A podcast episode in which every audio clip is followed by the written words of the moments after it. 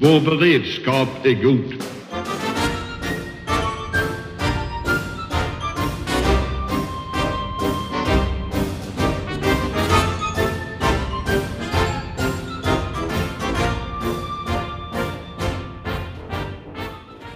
Hej och välkomna till Höjd beredskap, en podd från Aftonbladet Ledare. Idag ska vi prata om Tjeckien. 2014 flög ett vapenlager i tjeckiska Vrbetice i luften. Två människor dog, 150 ton vapen och ammunition exploderade. För två veckor sedan pekade premiärminister Andrej Babiš ut Ryssland och den ryska militära underrättelsetjänsten GRU som ansvariga. Sedan dess har det varit en diplomatisk kris. Man utvisar ambassadörer och man höjer tonläget. Men vad betyder det som har inträffat? Vad betyder det för säkerheten och vad betyder det för oss? Det ska vi prata om i dagens höjdberedskap. Och vi börjar i Prag. Vår beredskap är god. And uh, now I have with me uh, David Stolik. Uh, welcome to the, the, the podcast. Thank you for the invitation. And David Stolik is a senior analyst at the head of uh, Eastern European Program on the European Value Center for Security Policy. That's a, a, a think tank in Prague. And uh, you have served 12 years in the EU delegation in Ukraine uh, between 2007 and 2019. So you've been there the whole period with the Russian invasion, the occupation of Crimea, the annexation of Crimea. You actually spent the time in, in Ukraine. Uh, what's your general reflection from that? I mean, that was uh, also a very shocking experience because uh, until 2013, almost nobody in Ukraine could have imagined that uh, Russia could uh, have attacked Ukraine. Russia was perceived as uh, indeed a rather friendly, uh, close country but that all has changed almost overnight. Uh, when Ukrainians uh, decided to go their own way, they decided to have the association agreement with the EU, and that was something that uh, the rulers of uh, Russia, uh, Kremlin regime, didn't like at all because that would have mean that Ukraine would be drifting away from Russia, and there is a big, um, there is a well-known, uh, let's say uh, statement of uh, Zbigniew Brzezinski, who said that uh, Ukraine, uh, Russia cannot be an empire again without Ukraine. So that was kind of uh, obvious that Russia, Russian rulers, President Putin, would fight for Ukraine to keep it at the zone of influence of Russia at any price.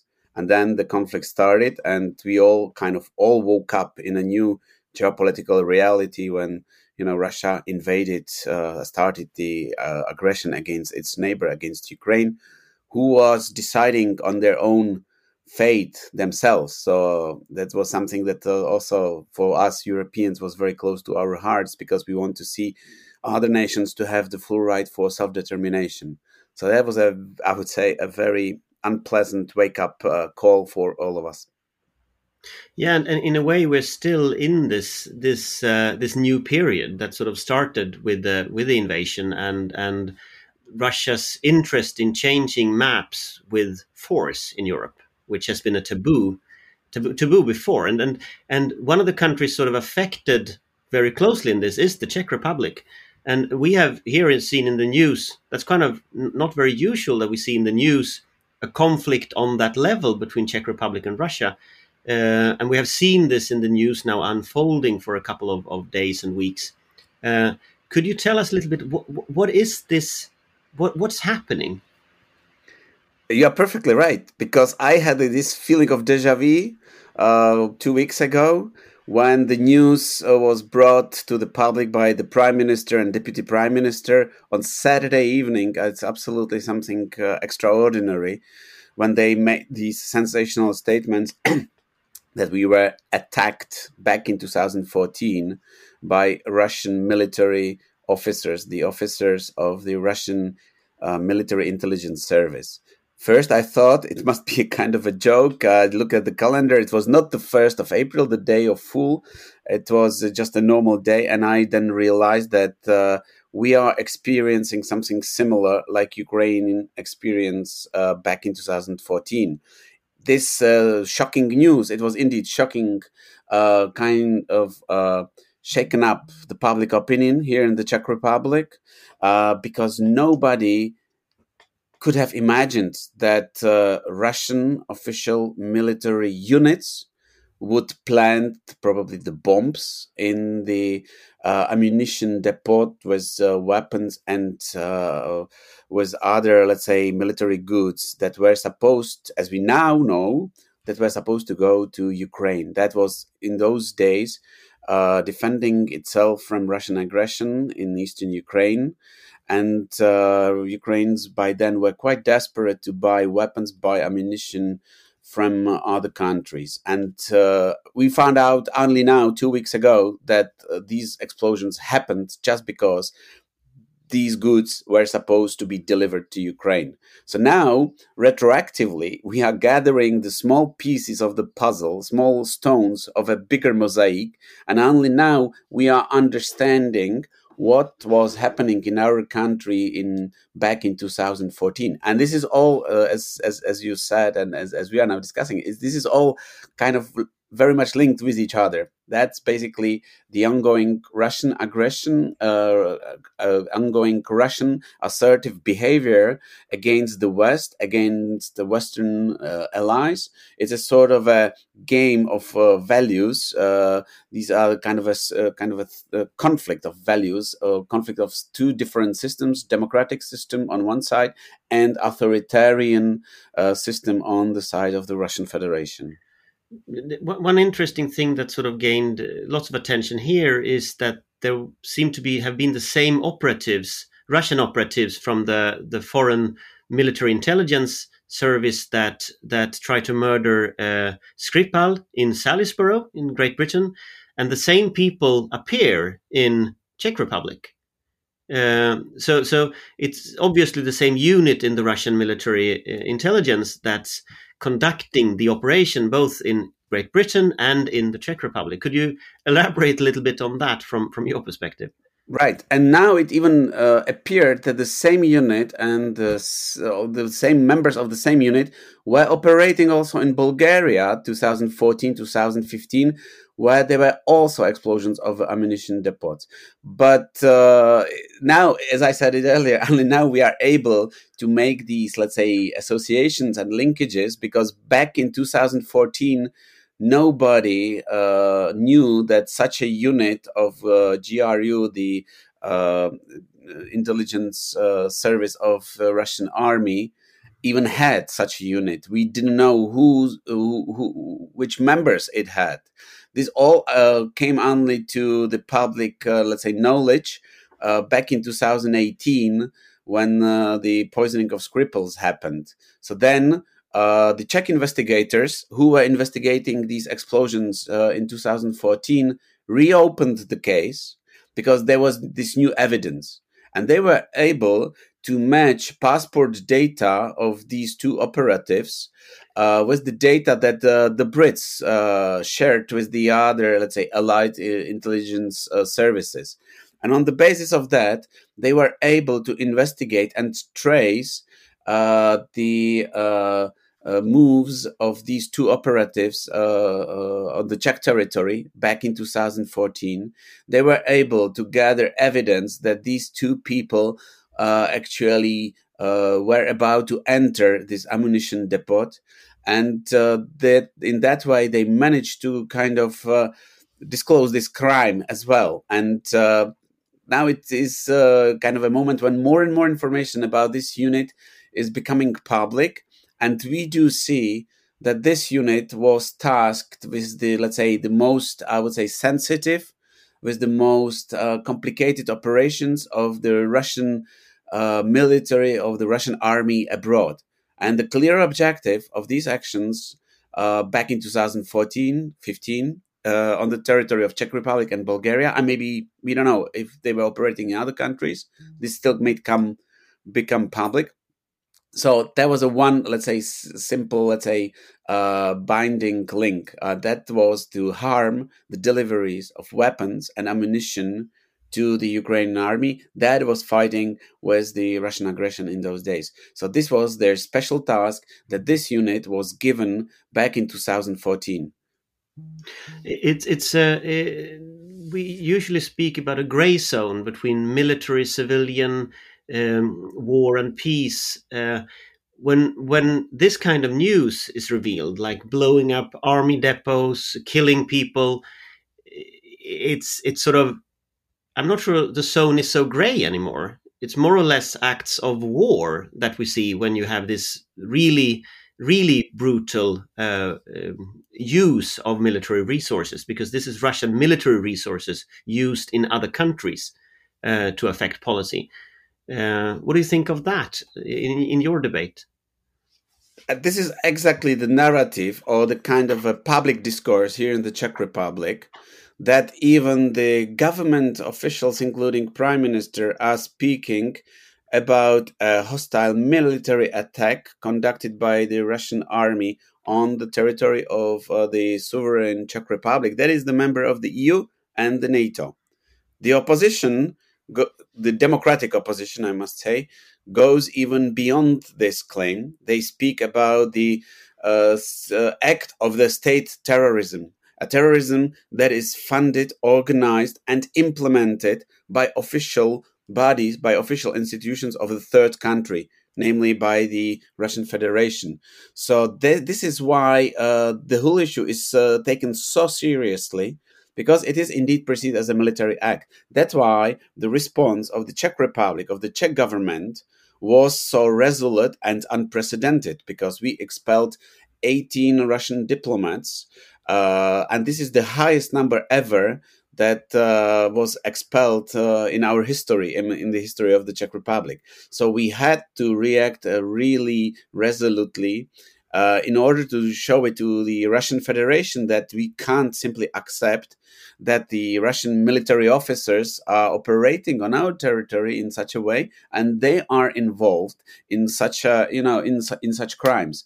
Now even the government is uh, I mean, once the investigation is over, it is still an ongoing investigation.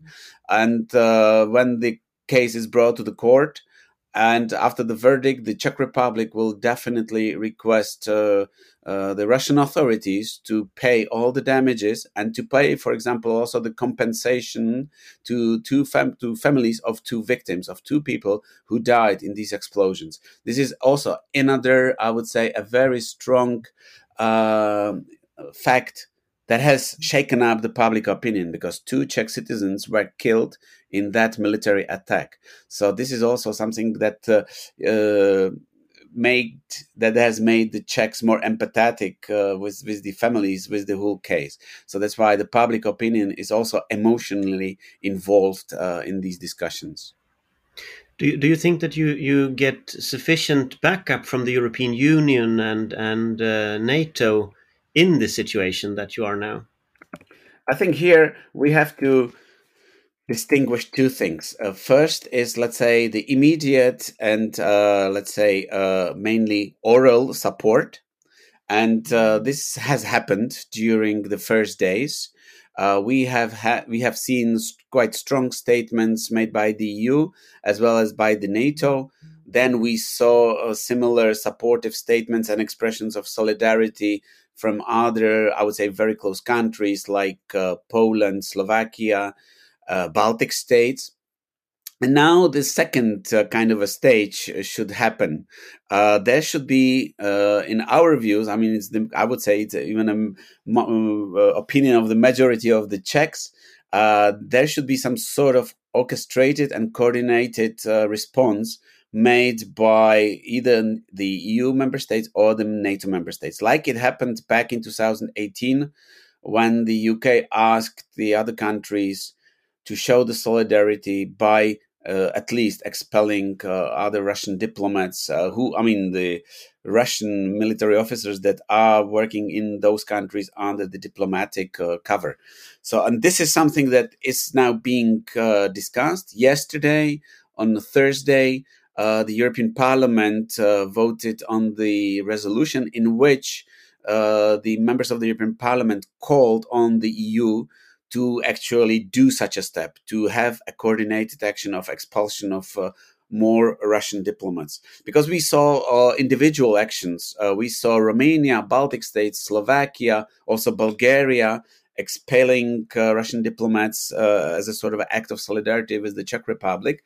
But that was done on the b- bilateral uh, level. That was not done at, at, let's say, at the EU level. But here I have to make one kind of a uh, disclaimer that uh, the Czech Republic must ask for such a help and for su- such an assistance. We can't expect the other countries to to come to us and offer it to us. So this is something that uh, the Czech uh, foreign ministry uh, should uh, ask for. I mean, on behalf of the Czech government.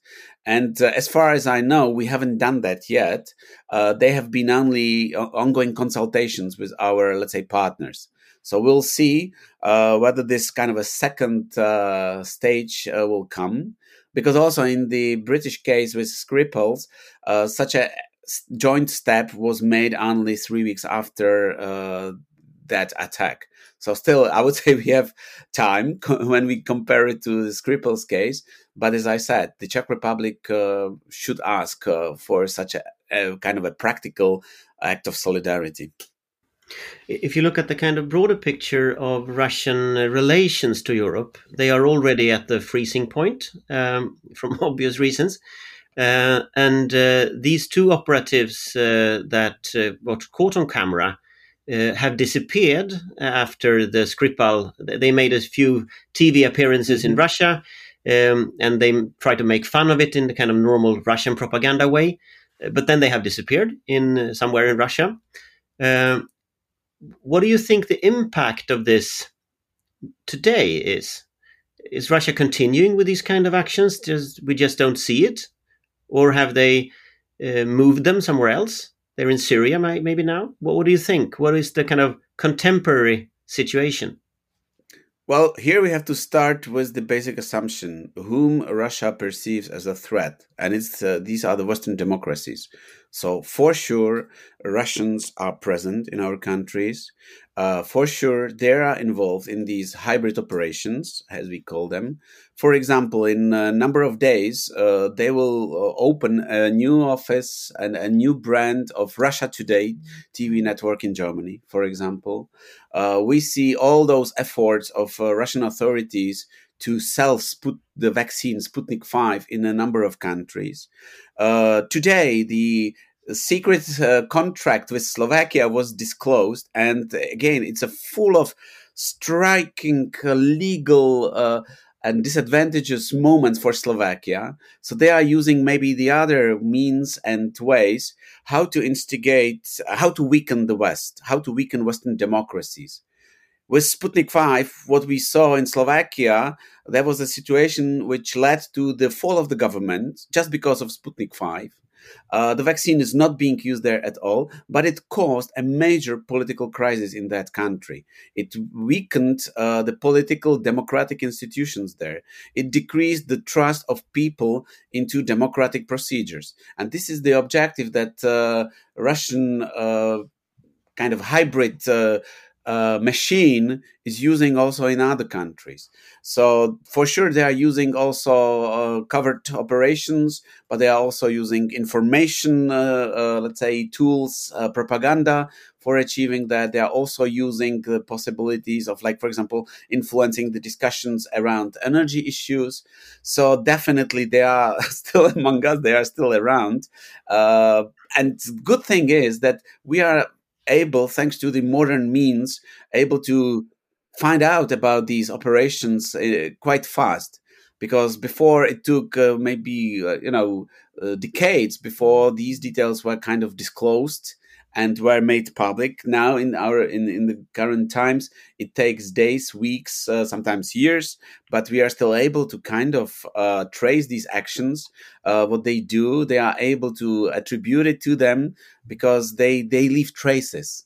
Right? And and uh, coming back to these two operatives, I mean, Bellingcat that is using uh, open source uh, intelligence information, they managed basically to come to similar conclusions like the intelligence services of the Czech Republic and Bulgaria. So I, am sure that uh, we would be still hearing about different uh, hybrid operations of different Russian services because there are at least like three services that operate abroad. So the row of these, let's say, disclosed and re- re- revealed uh, sensations, I think it will be continued.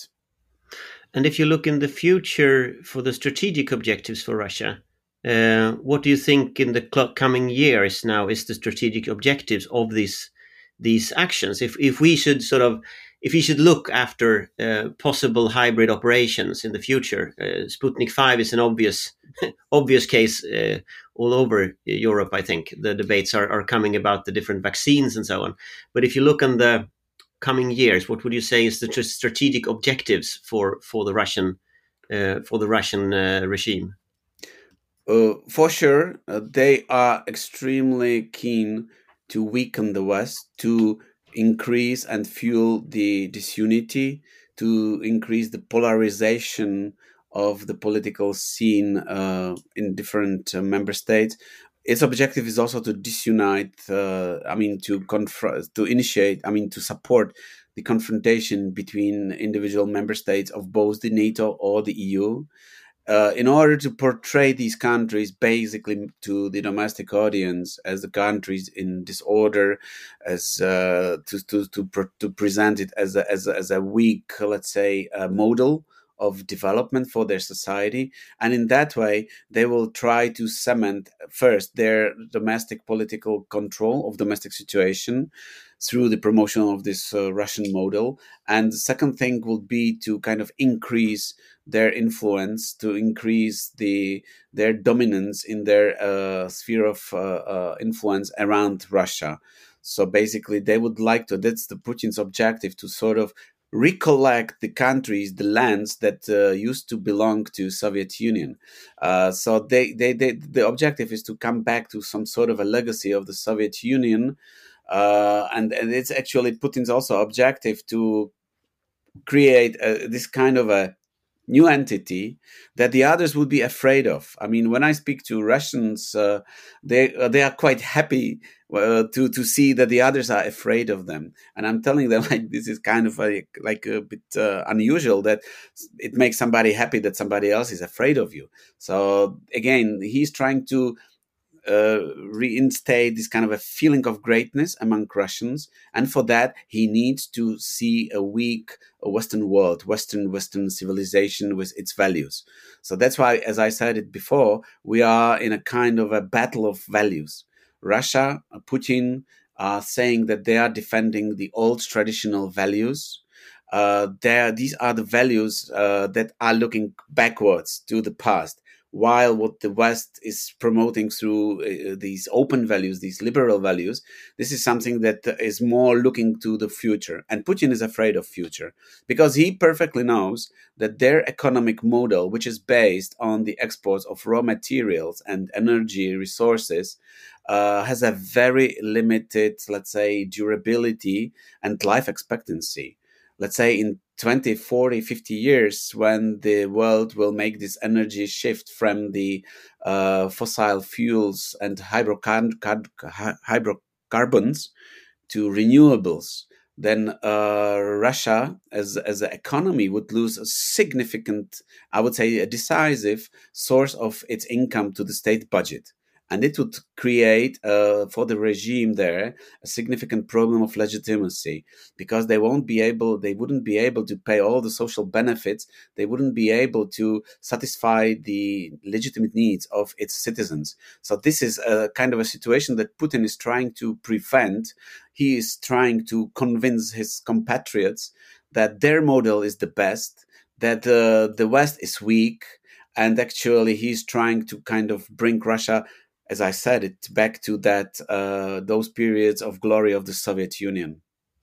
So, just as a last question, uh, I mean, as Swedes in in the during the Cold War, we were not in in in in the front line in that way. We were a neutral country or free free of alliance. Uh, we were never really neutral because there was no war, but we were free of alliances, military alliances.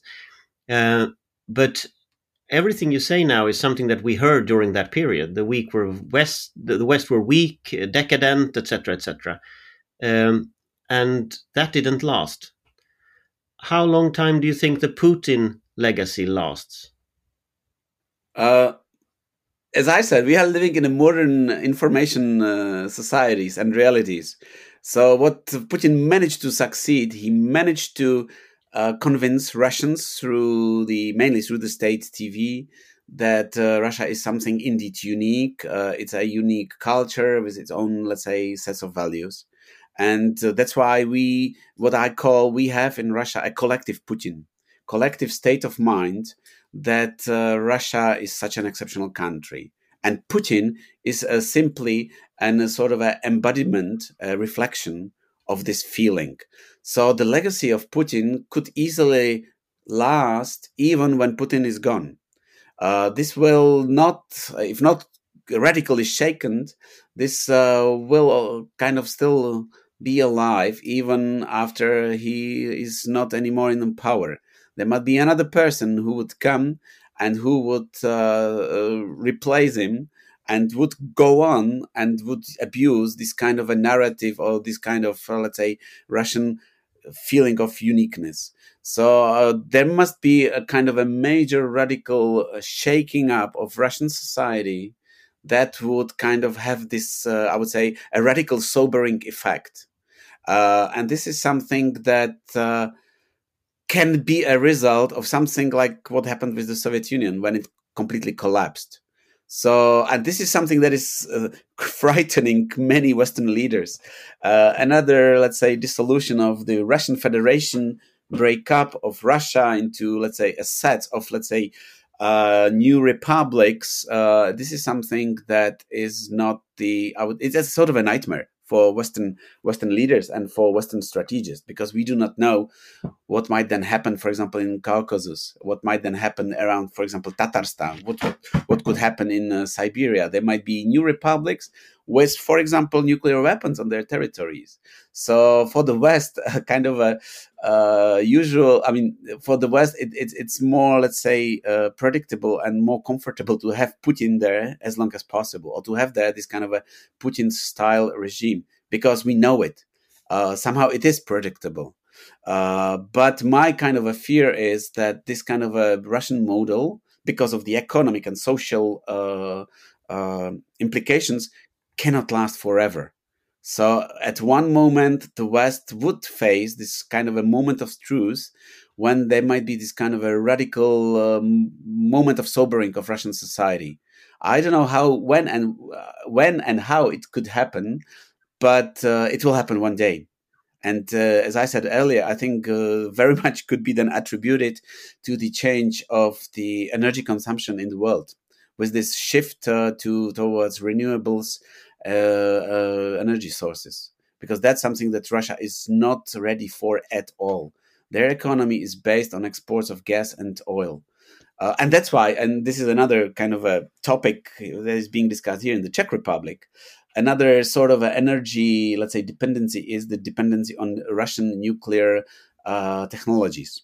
So this is why here in the Czech Republic they were pushing and are pushing so much uh, that uh, Russian nuclear agency Rosatom is allowed to take a part in uh, the largest ever public tender for the extension of one of two of our nuclear power stations because this would help russia still to keep a kind of energy instruments energy tools uh, that are being used for geopolitical objectives uh, the nuclear energy with the oil and gas, I think uh, we will see a kind of a steep downwards tendency. So they won't be able to use it anymore as a tool of blackmailing, putting a pressure on countries that are importing uh, these energy resources. So nuclear energy is still kind of a we- geopolitical weapon in their hands, but also it's rather questionable how long it could last. So yeah.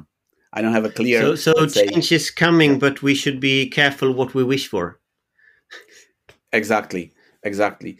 Uh, I, I see here uh, one, that one of the most effective means would be to work with uh, and to provide Russian citizens through all possible means the information that uh, could still change this collective mindsets, the collective Putins in their ma- minds and heads. Uh, I'm also like advocating strongly that uh, in our countries we should work more closely with Russian diaspora, which is not homogeneous. Uh, there are groups that are also perceiving Putin as a threat. They are in a big minority. Uh, but also in Russia, there are still some people who are trying to change uh, Russia from within. And this should be one of the first steps that we should work with these people. We should provide them with our support, with information. Uh, some of them are also working on some, let's say, blueprints for the transformation of Russian society. So all this uh, should be supported because this is also kind of an investment into our future. Uh, if we want to kind of prevent the moment of uh, unpleasant surprise in the future. Thank you very much for being with us. Yeah, it was my pleasure to talk to you. Have a nice day. Vår beredskap är god. Ja, då var vi eh, tillbaka i vår studio här i cyberrymden och med mig för att kommentera David Stålik eh, idag så har jag Patrik Oksanen. Oksanen från Tankesmedjan Frivärd. Och Amanda. Wollstad, chefredaktör för Svensk Tidskrift. Ja, och om jag bara börjar där liksom. Eh, han, han slutade med framtiden, men om vi går tillbaka liksom där vi började med, med det som har hänt. Eh, det här är ju avslöjande de senaste två veckorna egentligen i huvudsak som, som där vi har fått reda på, på eh, vad som då hände för 6-7 år sedan. Så det är ju liksom det är ett tidshopp här. Men om man liksom börjar i den ändan, den politiska sprängkraften i det här. Eh, ska vi börja med Amanda? Vad är, det liksom, vad är dina reflektioner när du hör honom? Ja, det främsta är väl just det här hur fort det gick och hur oväntat det var egentligen både i hans redovisning från Ukraina och även eh, händelserna nu i Tjeckien. Eh, att detta inte var någonting man väntade sig, att uppbyggnaden eh, var icke-existerande i Tjeckien och ganska beskedlig i Ukraina, att man gick från att ett land vilket som helst till, till eh, utsatt för eh, krigshandlingar på så kort tid. Det är väl en lärdom att, att inte ens Ukraina, som, som ju ändå fanns vissa säkerhetspolitiska hot gentemot, eh, milt uttryckt, riktigt visste vad som var på väg att ske. Men sen också naturligtvis den, den, det totala föraktet Ryssland har för eh, den europeiska säkerhetsordningen, för eh, liksom, det geopolitiska spelets regler. Eh, att man går in i ett suveränt land och, och eh, spränger vapendepå, dödar människor, går in i Storbritannien och, och avrättar eh, gamla egna dissidenter på annat lands mark. Att man har uppenbarligen specialtrupper som sysslar i princip enbart med detta och där reaktionerna från världssamfundet, det europeiska samfundet hittills uppenbarligen inte har varit i närheten tillräckligt att man ska fundera på att sluta med det. Eh, ni pratade ju lite om det i intervjun, kommer de fortsätta så här? Och, och David pratade ju mycket om att det pågår en annan typ av krigsföring med påverkanskampanjer och så vidare. Men helt uppenbart är ju att de inte tänker sluta med det här heller. Nej, Patrik? Det, det, här är ju, det som har skett i Tjeckien är ju omskakande på det sättet att det är en aktivitet, ett sabotage mot en, en strategisk anläggning då med ett ammunitionsförråd. Eh, eh som vi normalt sett äldre tillbaka, längre tillbaka i tiden skulle förknippa med skymningsläget. Det som inträffar strax innan ett krig bryter ut. Eh, och det här är mot ett NATO-land. Det gör det hela väldigt exceptionellt. Eh, och eh, det här är ju en, en, eh, ändrar ju en del av vår förståelse kring vilka risker som Ryssland uppenbart är beredda att ta. Eh, vi har ju egentligen vetat väldigt mycket om det här. Vi känner ju till kuppförsöket i Montenegro, mordförsöket på den dåvarande montenegrinske premiärministern. Eh, det är ju två stycken ryssar eh, som eh, är åtalade i sin frånvaro där i, i samband med den kuppkomplotten och den syftade till att stoppa Montenegros medlemskap i NATO. Eh, vi känner ju till förgiftningsförfallen Skripal, vad som hände med Litvinenko långt tidigare. Vi har ju eh, avrättning i Tje av tjetjenska oppositionella i, i Berlin bland annat och sen så har vi mordförsöket i Gävle. Eh, men, men vi har inte sett en, en attack som vi har kunnat attributera, en fysisk attack eh, mot en anläggning i ett EU eller ett NATO-land. Eh, spionage, ja. Eh, informationsintrång, cyberintrång i syfte att stjäla information och påverka, eh, ja. Men inte ett sånt här stort sabotage som då kan knytas till den ryska militära underrättelsetjänsten. Eh, och det här sker då redan 2014. Den strategiska kontexten handlar ju om att stoppa vapenleveranser till Ukraina. Men, men det gör ju att vi måste på något sätt eh, titta på, på både vår, det som har skett tidigare och det som sker nu med andra glasögon. För, för min reflektion som jag gör när jag, när, jag, när jag lyssnar på honom också, det är ju när han berättar om debatten i Tjeckien. Eh, och, och, där kan jag ju tänka att, här används ju begreppet, han, han sa statsterrorism, att det handlar om det. Och där måste jag nog säga att jag, jag tycker det är en legitim term. Detta är rysk statsterrorism i andra länder. Eh, och, och det, för det handlar ju om att man dels dödar människor, eh, dels sprider ryska troll. Och det, det, döda människor är ju någonstans ganska långt utanför, nu har vi vant oss vid att ryssarna beter sig på det här sättet, men, men det är ju helt absurt att man går in och dödar människor i andra länder. Men här handlar det alltså om ett mycket omfattande sprängdåd i ett annat land. Alltså för mig så är inte det här liksom det är precis som du säger Patrik att det är gråzon, men för mig så är det också, det är ju eh, normalt sett ett, ett så att säga, casus belli, att det liksom är ett, ett skäl för krig. Det är en otroligt långt gången nivå. Och de här två GRU-operatörerna, de hade ju uppenbarligen då samma pass som när de åkte till Skripal och försökte ha ihjäl Skripal i Storbritannien. Varför är de så liksom öppna med det här? Öppna tror jag inte att de var med det. Eh, jag tror att det där med passen Okej, är, är, är, är, mer, mer, mer klant, klanterier. Även, även rysk militär underrättelsetjänst har byråkratier som gör misstag eh, och som gör att de här händelserna kunde länkas ihop. Eh, så jag tror inte att det var avsikten. Att, att det skulle vara attributering på det. Men å andra sidan så finns det en annan del i det ryska uppträdandet. Det är ju att man högaktningsfullt, eller inte ens gång högaktningsfullt, eh, skiter i att man blir ertappad med fingrarna i syltburken. Eh, man bara säger så här, eh, en sen då. Ni är också dumma. Och, och, hur vet ni det där? Vi var ju bara och tittade på vackra katedraler i Salisbury. Eh, och liksom helt, eh, helt ogenerat slår ifrån sig det. Och det är ju också en, en psykologisk eh, operation i sig att signalera det här att vi bryr oss inte om ni ertappar oss. Men då tänker jag så här, får jag, får jag säga, ja förlåt, Amanda?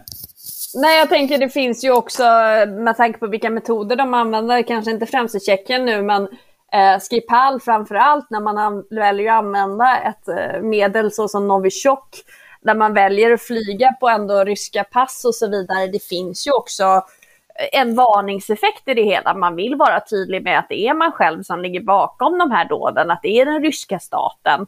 Eh, att man har den makten, att man har den möjligheten att agera eh, på andra länders territorium och väst kan inte göra någonting åt det inom citationstecken. Och ärligt talat, vi har ju sett en typ av statsterrorism från Ryssland tidigare och det här termen har ju använts inte minst i Estland.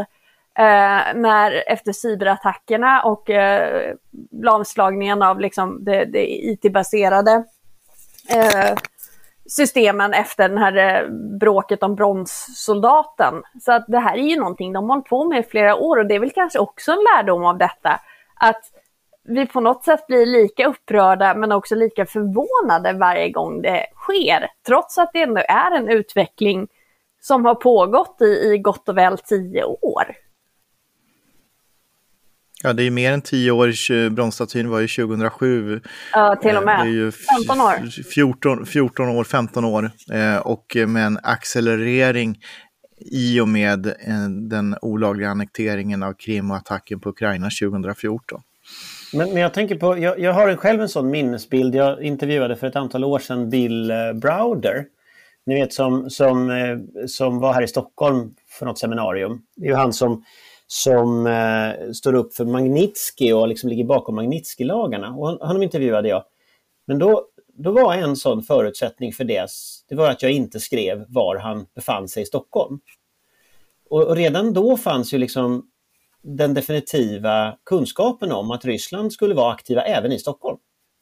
Och han är naturligtvis en person som de inte riktigt uppskattar i Kreml av insedda, lätt insedda skäl. Men, men det är ganska intressant att liksom, eh, man måste vidta den typen av säkerhetsåtgärder även i vår huvudstad. Eh, ja, ja, det är ju rätt att man blir förvånad varje gång, även om man kanske förvåningen avtar väl med tiden. Men, men, men någonstans, vad tror ni är skulle de kunna göra något liknande i Sverige? Ja, vi har ju fallet i Gävle. Jag tänkte spränga ja. saker, men absolut Gävle. Mm. Ja, ja alltså, om, om vi pratar om, om, om mordförsök så har vi ju den tjetjenske bloggaren i Gävle som blev attackerad med en hammare. Det var upplagt med en honungsfälla eh, och sen kom en annan person in och, och, och skulle slå ihjäl honom med hammare. Eh, så att, så att eh, Bill Browders oro eh, där, alltså det, Stockholm, London, Berlin, eh, det spelar liksom ingen roll om, om eh, måltavlan är, eh, finns där och tillfället ges. Men vem... Det var inte Bill Browder som sa det, utan det var just eh, i förberedelserna för intervjun när jag diskuterade med andra, att det var liksom förutsättningen för det. Men vänd på det, om de har gjort det i Tjeckien som är ett EU-land och dessutom ett NATO-land, varför skulle de inte göra det i Sverige? Vad skulle, vad skulle vi ha för... Det skulle ju möjligen vara då att tycka att de låter oss vara för att vi inte är med i NATO, men det vet vi ju att det stämmer ju inte. Eh, om de kan ge sig på Tjeckien så kan de med självklarhet ge sig på oss. Det finns liksom ingen som helst anledning att de inte skulle Sen om de har anledning är ju en helt annan fråga. Men det finns ju ingenting som tyder för att de skulle dra sig eh, politiskt eller konsekvensmässigt från att göra detsamma i Sverige. Det finns ju en anledning nu för, för säkerhetstjänster runt omkring i Europa att gå tillbaka och titta på, på händelser som är ouppklarade eh, med nya ögon eh, och med den här nya kunskapen om, om resemönstret för den här GRU-enheten.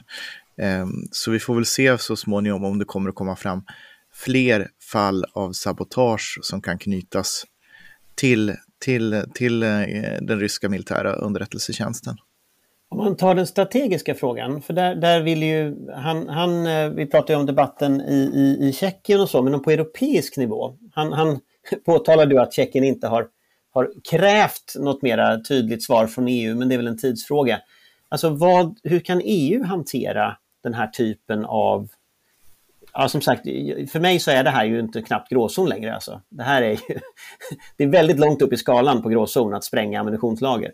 Eh, men hur kan EU hantera en, en aktör som, som har den beredskapen eh, att, att agera på det här sättet? Eh, givet att vi inte vet vad som händer nu efter Ukraina och upp, upp den, den, ryska uppladdningen vid Ukraina och sådär. Det är ju senaste och Navalny är ju senaste skandalen som, eller, som har hänt. Ja, det enkla svaret är ju att EU inte kan det, eh, för att då skulle vi inte sitta här. Eh, e EUs förmåga att hantera det här har ju inte varit tillräckligt och inte tillräckligt samordnat. Dessutom är ju unionen splittrad mellan hökar och duvor om man vill uttrycka sig så. Eh, där, där till exempel Ungern tror jag inte har skickat hem någon rysk diplomat i solidaritet med sitt grannland Tjeckien. Men, men okej, okay, eh, kan vara fel uttryck, men bör? Vad bör vi göra? Delvis måste vi ju hålla ut, för det är ett av problemen. Eh, att även när liksom relativt beskedliga eh, reaktioner hålls på plats i något år eller två och sen blir det för jobbigt och för ekonomiskt oopportunt för oss och då släpper vi det. Oavsett om Ryssland faktiskt har gjort någonting åt situationen eh, eller inte. Eh, och det är klart, det är ju ett väldigt tydligt bevis för att det är ju bara att liksom hålla i så, så eh, låter vi dem komma undan. Alltså det är någon slags salamitaktik där de begår större och större övergrepp Eh, och vi ger dem något år i skamvrån och sen släpper vi tillbaka dem i värmen igen och då kan, inser de ju att de kan fortsätta. Så vad vi än gör måste vi inse att det måste vara långsiktiga lösningar. Därför att Ryssland kommer inte ändra sig inom den närmsta framtiden. Uh, och det är ju just det här att stänga dem utifrån så mycket som möjligt. Och där, det här han pratar om med, med energin och makten över det är ju oerhört viktigt. Där så länge till exempel Tyskland fortfarande har ett intresse att driva vidare för Nord Stream 2 så är deras position oerhört låst. Så länge vi gör oss beroende av Ryssland så kan vi ju inte markera på ett, ett sätt som faktiskt går hem, ett faktiskt realistiskt sätt. Um, så vi måste ju börja med att se över de relationer, de ekonomiska relationer vi faktiskt har till Ryssland och sen hålla fast vid att de inte är välkomna in i den europeiska internationella demokratiska gemenskapen så länge de inte kan hålla tassarna borta från grannländerna. Mm. Patrik? Nej, men eh, Nord Stream 2 är ju också ett energivapen riktat mot Ukraina. Så att om vi går tillbaka till vad vi började med, sprängningen i Tjeckien, Ehm, eh, syfta till att försvaga Ukraina. Det var ju eh, ammunition då som skulle till köpas då av Ukraina och, och eh, eh då stärka Ukrainas försvarsförmåga hösten 2014. Och eh, på samma sätt i Nord Stream 2 Eh, en, en, en aktivitet som i första hand innebär då att eh, man inte skickar gas till väst genom Ukraina och då förlorar Ukraina transiteringsintäkter. Eh, och dessutom så innebär det möjligheter för Ryssland att spela mycket hårdare hardball utan att försämra sina intäkter från väst och försämra energirelationen till väst. Så att hela syftet med Nord Stream 2 är ju ett strategiskt imperiebyggande för Ryssland där Tyskland har varit eh, eh, nyttiga idioter och, eh, och spelar med i allt för stor utsträckning. Eh, sedan så skulle jag vilja säga så här att jag är lite besviken och lite förvånad över att inte fler europeiska länder spontant i solidaritet med Tjeckien har gjort markerande utvisningar, även om Tjeckien inte formellt begärt det stödet från EU. Jag tycker att det finns skäl att, att agera solidariskt eh, utan att behöva vänta på formell önskan om solidaritet. Eh, om vi tittar på vad som hände efter eh, då användandet av Novichok, kemiskt stridsmedel i Storbritannien, så utvisade Storbritannien ett stort antal diplomater, det gjorde även USA i solidaritet, och sen ut, utvisade en lång rad europeiska länder en, två diplomater eh, i, i, solidaritet i en, i en koordinerad aktion. Jag tycker att det är rimligt att vi agerar på samma sätt för Tjeckien. Eh, sen ska vi veta också att den ryska responsen på det tjeckiska utvisningen, det var ju då att man, man utvisade fler tjeckiska diplomater än vad Tjeckien hade utvisat ryska som svar. Så Ryssland gjorde en upptrappning där. Och det var ju återigen en signal, vi bryr oss inte, vi är starka, vi gör som vi vill.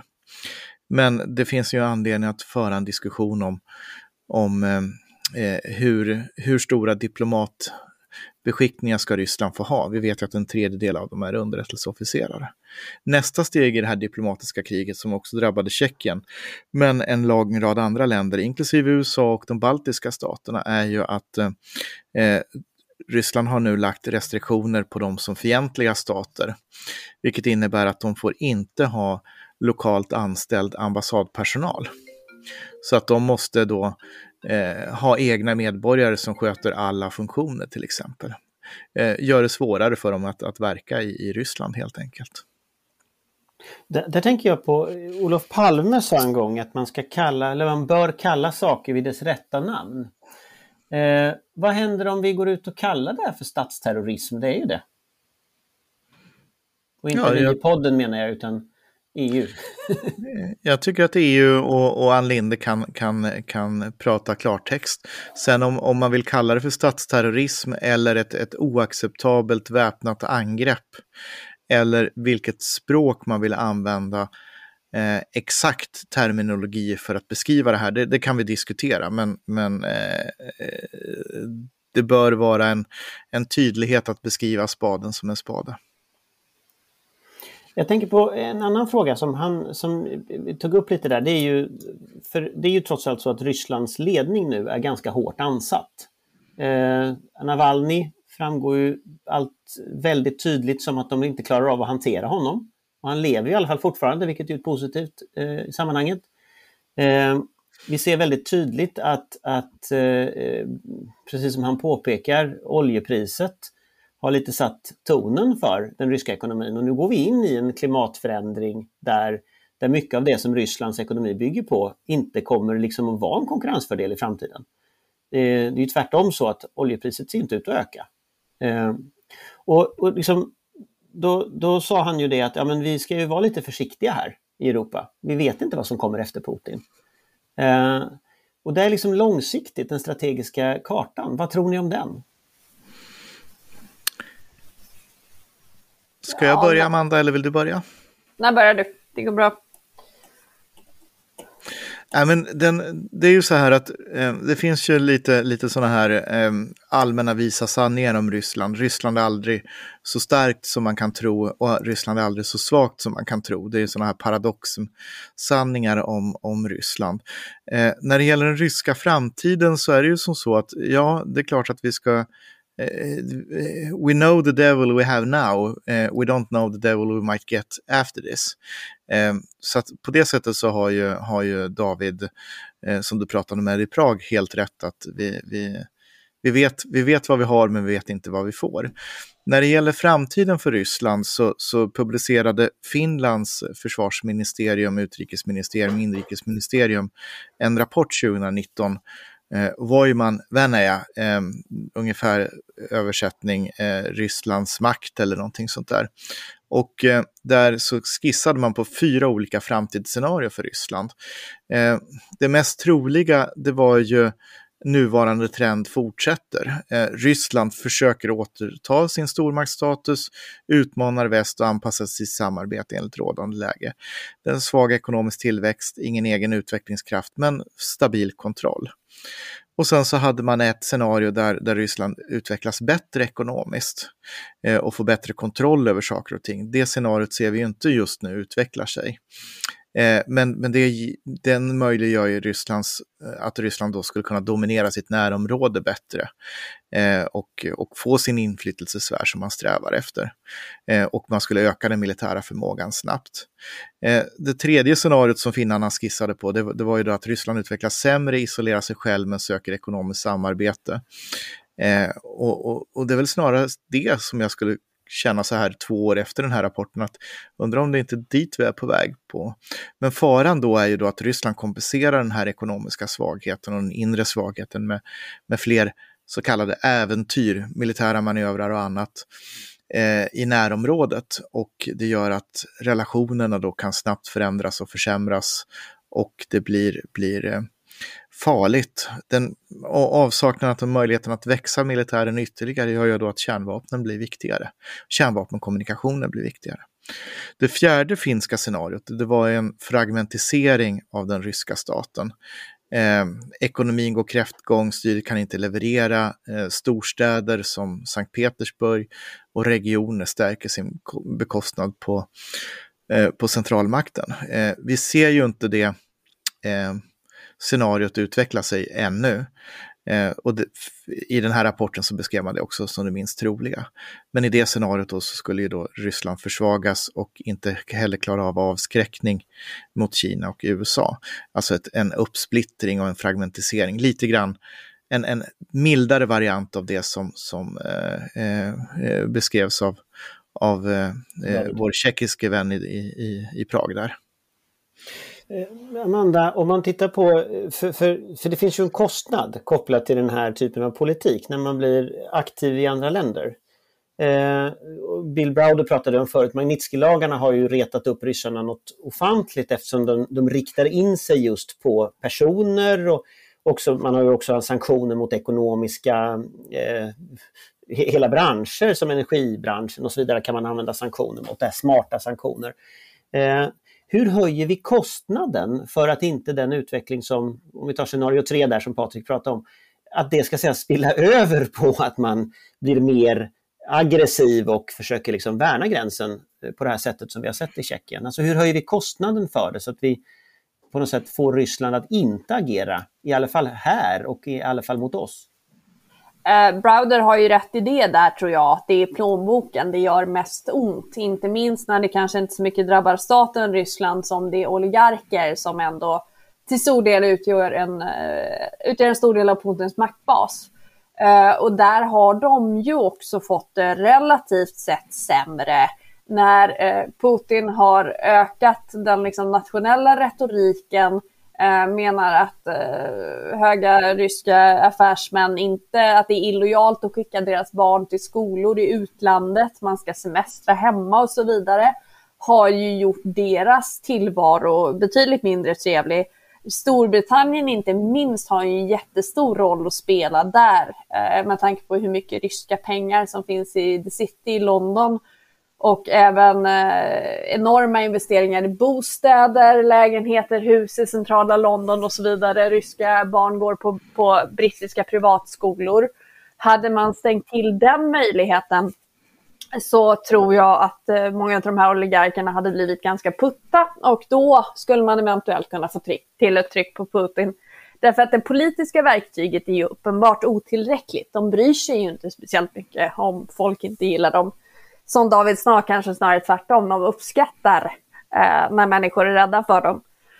Och även om jag tror att han har helt rätt i sin analys att de går en mörk framtid till mötes ekonomiskt i och med omställningen och det är en utveckling som vi på många sätt bör skydda på genom att till exempel inte bygga Nord Stream 2 och göra oss beroende av rysk gas och rysk olja så är det ju också en väldigt farlig utveckling. Det minns jag att man pratade om i början på det senaste säkerhetspolitiska uppvaknandet i Sverige. Eh, att Ryssland hade dålig ekonomi, man hade inte råd att satsa på en militär uppbyggnad, det var inte prioriterat. Vilket det ju är.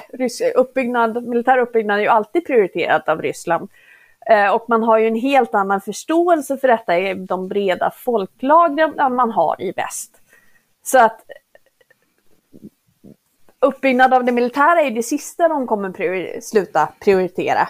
Och är man då i en ekonomiskt trängd situation och känner att man förlorar sitt inflytande och sin tyngd på den internationella arenan, eh, Putins revanschtanke som ju på något sätt är det hela den ryska utrikespolitiska politiken är uppbyggd kring, eh, då blir man ju bara farligare. Därför att då måste man ju visa sig stor och mäktig på annat sätt. Genom att invadera mm. ett grannland eller två. Ja, och ska jag lägga till någonting kort där så är det att kombinera det med, med en tydlig avskräckningsförmåga. Eh, för att inte det ska bli lockande att göra det där militära äventyret. Visa att vi, vi har förmågan att hantera det militära hotet och vi är redo att hantera det. Eh, så att eh, den, den aspekten får inte glömmas bort. Ehm, eh, att man, Ryssland måste förstå att att den militära vägen kommer inte att vara framgångsrik. Det ska inte vara lockande att spela på det kortet. Min reflektion eh, är väl lite också att än så länge så har ju priset varit ganska lågt. Om man ska vara ärlig. Det har varit lite grann eh, i, i, marginalen och så men sen så Sen blir eh, Ryssland, får de komma tillbaka till Europarådet eller parlamentariska församling eller de de bjuds tillbaka in i, i, eh, i de sam sammanhang som finns. Så att, så att eh, vi får väl se om den här eh, utvecklingen i Tjeckien och som ni sa också att man går tillbaka och ser vart det här mordkommandot som GRU har skickat runt i Europa, vart har det åkt egentligen? De verkar ju, de verkar ju ha åkt på egna pass eller på samma pass. Så att det kanske finns eh, fler saker vi kommer att upptäcka att de ägnade sig åt under den perioden. Eh, men, men där är min reflektion det att så länge priset är så lågt som det har varit så finns det ingen som helst avskräckning mot att ryssarna fortsätter. Nej, och, du, eh. och du beskriver hela det strategiska dilemmat i gråzonen därför att priset eh, för angriparen i gråzonen, oavsett om det är på informationsoperationer, cyberaktiviteter eller andra typer av gråzonsaktiviteter, som att spränga ett ammunitionsförråd i Tjeckien, eh, det är väldigt lågt. Och det, det visar sig också ha väldigt låg risk med potentiellt väldigt stora effekter. Så att där har vi det strategiska dilemmat och där behöver vi göra ett konceptutveckling när det gäller att bygga avskräckning och bygga kostnader för en angripare. Och det, det skulle jag mena jag på att det ligger vi efter i väst eh, att, att göra eh, och definitivt i Sverige. Mm. Ska vi låta det vara sista orden? Det tycker jag. Och trevlig valborg allihopa! Tack, tackar vi varandra och sen Ja, önskar vi precis, april. trevlig valborg. Och som jag då brukar säga, trevlig första maj imorgon. Eller ja, Trevlig imorgon. sista april.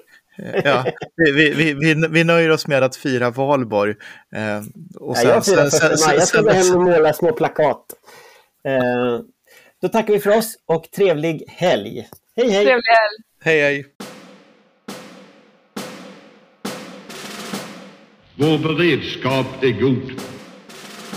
Du har lyssnat på en podcast från Aftonbladet. Ansvarig utgivare är Lena K Samuelsson.